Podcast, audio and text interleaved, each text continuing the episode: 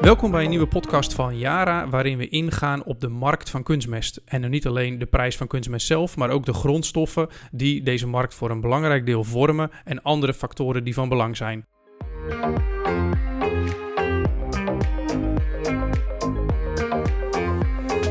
Mijn naam is Niels van der Boom. Ik schrijf onder andere ook over kunstmest. En vandaag zit ik uh, met een bekende in de digitale podcast studio. En dat is Pieter van Jara.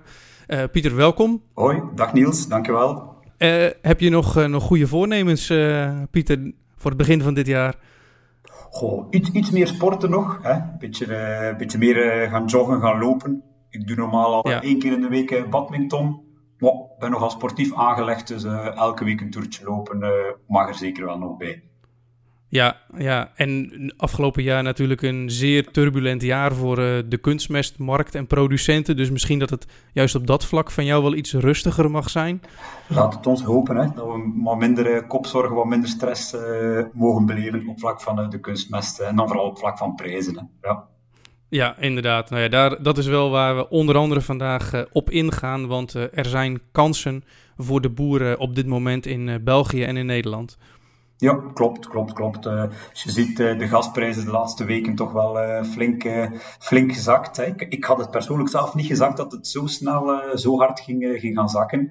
Dus ehm, ook ja, rekening houden met dat we echt heel dicht bij het uh, fractioneringsseizoen zitten. Hè. We zijn nu januari, uh, als we een vroeg voorjaar krijgen, zitten we, zitten we zo uh, binnen enkele weken in de eerste mestgifttoediening. dus um, als je nu nog geen voorraad hebt of je voorraden als landbouw beperkt zijn, is het echt wel heel dringend om, om wat te gaan kopen, hè, om positie te nemen. Hè.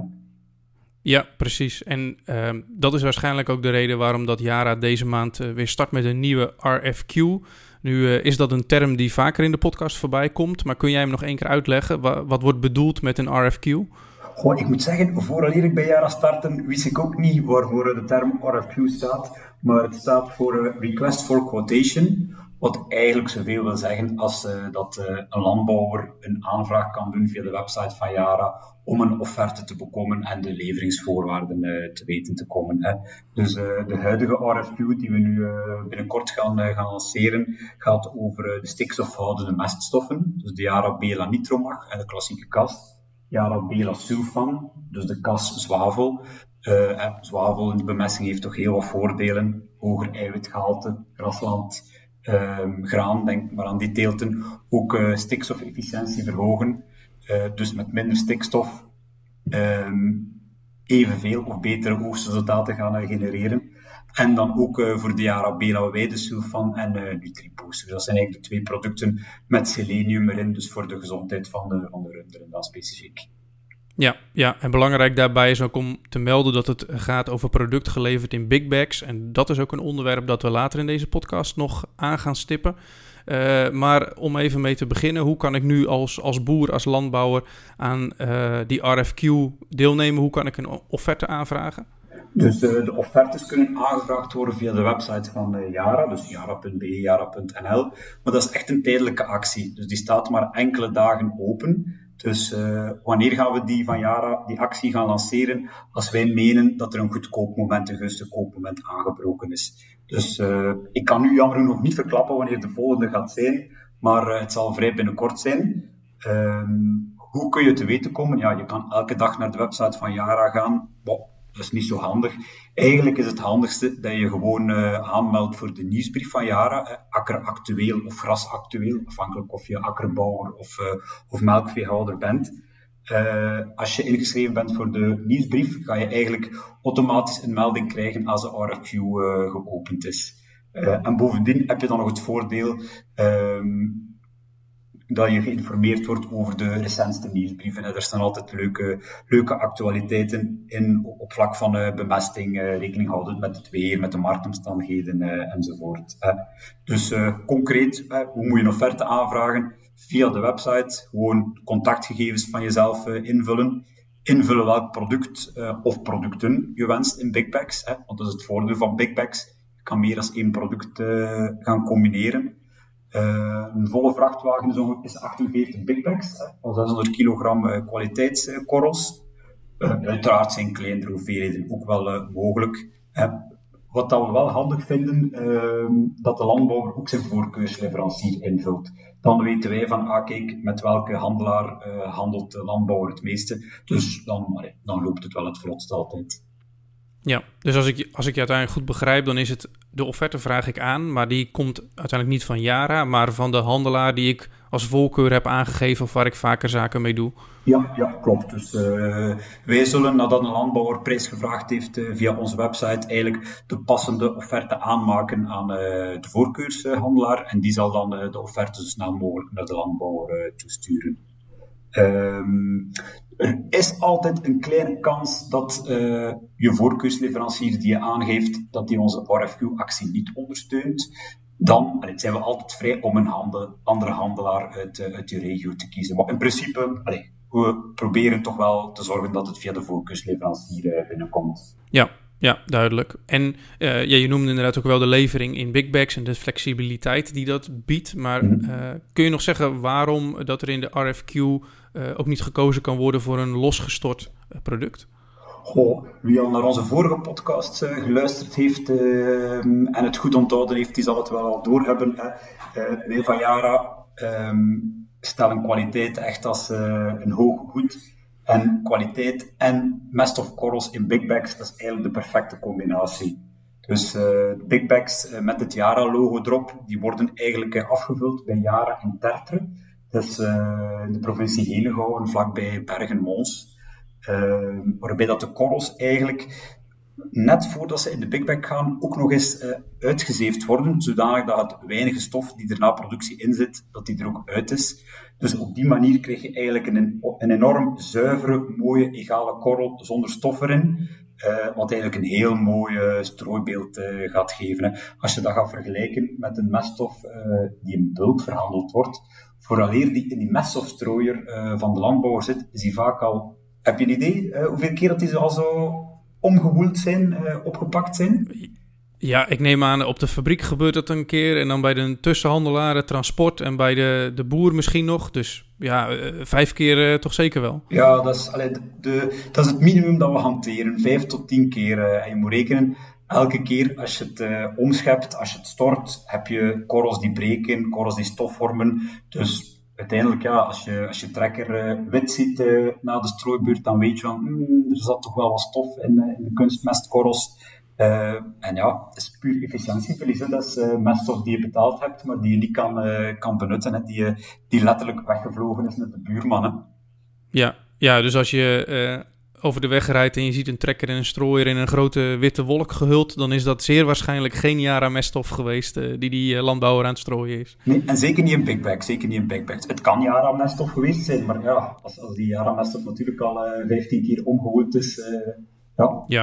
ja. het is natuurlijk logisch dat die korrelkwaliteit zo uh, belangrijk is. En wat je zegt, dat is uiteindelijk ook winst die, die wegwaait, die, die ja, tot stof wordt. Maar zijn er nog andere voordelen te noemen voor het kiezen voor big bags? Wat ook uh, wel een belangrijke is, uh, die ik persoonlijk vind, is als je big bags met de Yara-logo weer gebruikt, dan weet je dat je ook gebruik maakt van complexe meststoffen. Dus elk meststofkorreltje gaat eigenlijk alle elementen bevatten die op het etiket staan. Als je bijvoorbeeld kijkt naar de wijdesulfan, dan weet je, er zit ammonium en nitraat in, er zit zwavel in, er zit selenium in, dus elk korreltje bevat die elementen. als we dat dan gaan vergelijken met een blend, een blend is eigenlijk een mix van verschillende meststofkorreltjes, waarbij elke meststofkorrel een apart nutriënt bevat. Ehm, jammer genoeg in een blend zijn die korreltjes heel heterogeen van grootte. Dus wat gaat er gaan gebeuren bij het gebruikende meststofstrooier? Die korreltjes gaan gaan ontmengen. Dus de, de kleine korreltjes gaan eronder uh, gaan uitzakken, wat dan heel, heel nefast is, uh, heel negatief is voor je strooibeeld. Uh, een ander voordeel, het inkoopmoment. Hè, big bags die kan je heel makkelijk gaan stockeren. Ze zijn lucht- en vochtdicht verpakt. Dus als je ziet van, ah, het is, de prijs is wat lager, dan kan je, kan je de, de stok gaan, gaan aanvullen. Hè. Je kan ook uh, op verschillende momenten van het jaar eigenlijk uh, de kunstmest gaan, gaan inkopen. Hè. Afhankelijk van prijs, liquiditeit van het bedrijf, ook belangrijk natuurlijk. Ja. Ja, en natuurlijk dan ook makkelijk in een, in een loods of in een schuur opslaan, waar dat je de ruimte voor hebt. Ja, en je, en je kan verschillende soorten met elkaar combineren. Hè. Als, je, als je bijvoorbeeld loswerkt en je hebt maar één bunker, ja, dan is het mission impossible om twee, drie soorten te stockeren. Maar als je nu zegt van, ah kijk, ik, uh, ik heb uh, zowel graan als ook grasland voor de koeien. En dan kan je voor het graan uh, de sulfan gebruiken. En voor, de, voor het grasland kan je dan de weidesulfan gebruiken bijvoorbeeld. Dus kan makkelijker ook verschillende soorten stockeren. Ja, ja, precies, die flexibiliteit. Ja. En uh, ja, we hebben een korte vorstperiode gehad en momenteel is het echt extreem warm in Nederland, in België en andere landen. De, de graan en het grasland gingen al vrij lang de winter in en uh, ja, zullen met deze temperaturen ook groeien. Dan, dan komt misschien dat eerste meststofmoment, zoals je in de intro al zei, wel, wel snel dichterbij. Uh, is het dan tijd om um, ja, toch wat aan te gaan kopen uh, als je dat nog niet hebt gedaan? Wat, wat zijn de, de verwachtingen voor het uh, meststoffenseizoen? Ja, als, als de trend met de temperaturen zo verder gaat, dan, dan gaan we wel echt een heel, heel vroeg seizoen krijgen. Um, wat, wat we afgelopen zomer en najaar gezien hebben, en dan vooral in België, is dat eigenlijk iedereen, zowel handel als landbouw, heel afwachtend was op vlak van aankoop van, van meststoffen. Uh, waarom? Ja, zal je niet veranderen, de prijs. Hè. Iedereen uh, kocht maar het no hoogst noodzakelijke in. Uh, waardoor de stocks in België enorm, enorm laag zijn. Ik denk in jaren zo laag niet geweest. In Nederland is het een stuk beter. In Nederland is het ook wel wat lager dan normaal, maar niet, niet heel erg. Pieter, als je praat over de stok, bedoel je dat dan bij de, de boer zelf of is dat meer de tussenhandelaar? Gewoon combinatie, zowel een landbouwers als de, als de tussenhandel. Ja, ja. Oké. Um, en wat daar een beetje het gevaar van is, uh, dat schuilt, omdat we toch uh, heel dicht bij de eerste toediening, toedieningsmomenten aan het gaan zijn, is dat, dat iedereen, als we februari naderen, of februari zijn, dat iedereen tegelijk gaat bestellen, omdat de stoks zodanig laag zijn. Dus enerzijds moet de productie kunnen volgen. Dus um, ja, dat zal misschien nog net, net lukken. Zal al heel kantje boordje worden. Maar waar wij eigenlijk het meeste schrik voor hebben, is het logistieke. Dus om voldoende vrachtwagens te hebben, om alles tijdig uh, bij de handel en bij de landbouwer te krijgen. Hè. Dus uh, ja, elk jaar zijn er minder en minder uh, vrachtwagenchauffeurs. ook de komende jaren gaat het er zeker niet op verbeteren. Ik heb onlangs een presentatie mogen bijwonen over, van logistiek verantwoordelijke. Die, die gaf cijfers over hoeveel 55-plussers er in de transportsector actief waren, als chauffeur dan. En het was echt heel veel. Dus dat wil zeggen, die gaan allemaal de komende vijf tot maximaal tien jaar allemaal afvloeien. En wie, allee, de, de, de jeugd, de vervangingen zijn niet toereikend voor het aantal afvloeien, voor het aantal gepensioneerden. Dus ja, ook de komende ja, jaren gaat het een bottleneck blijven. Ja. Eigenlijk nog een heel praktisch probleem, inderdaad, dan afgezien van voorraad en productie. maar wel een, een hele goede om te noemen. En ik denk dat het ook in de ja, alle sectoren, maar ook zeker in de agrarische sector op ja, veel plekken zal spelen. Um, ja, Pieter, eh, bedankt voor, voor je uitleg. Zoals je zei, ja, de voorraden zijn, zijn laag en het eerste toedieningsmoment komt, komt rap naderbij. vandaar ook binnenkort waarschijnlijk dus die, die RFQ. En ga toch eens nadenken. Het is goed dat mensen hebben afgewacht in, in een markt met hoge prijzen. Maar ja, het wordt stilletjes aan dan misschien toch inderdaad tijd om te, om te acteren. Uiteindelijk wel, ja. En zeker als je dan ook rekening houdt, als je kijkt naar de gasprijs, hoe die hoe die toch gevoelig gezakt is. Uh, allee, weet dat die, dat die meststoffen toch ook wel een stuk prijsgunstiger zijn dan, dan enkele maanden geleden. Dus ja, is een mooie, mooie moment. Hè. Ja. Laten we hopen dat, dat Jara inderdaad de, de, productie dan ook weer voldoende op peil heeft om inderdaad aan de, aan de vraag te voldoen. Maar dat zal waarschijnlijk geen enkel probleem zijn. Nee, nee, dat komt goed. En zoals eerder genoemd, de, de podcast, de nieuwsbrief die regelmatig verschijnt die eh, houden eh, de telers eh, continu op de hoogte van alle ontwikkelingen. Het is een volatiele markt en dat zullen wij hopelijk in deze marktpodcast ook blijven doen. Bedankt iedereen eh, voor het luisteren en hopelijk tot een volgende keer. Tot ziens.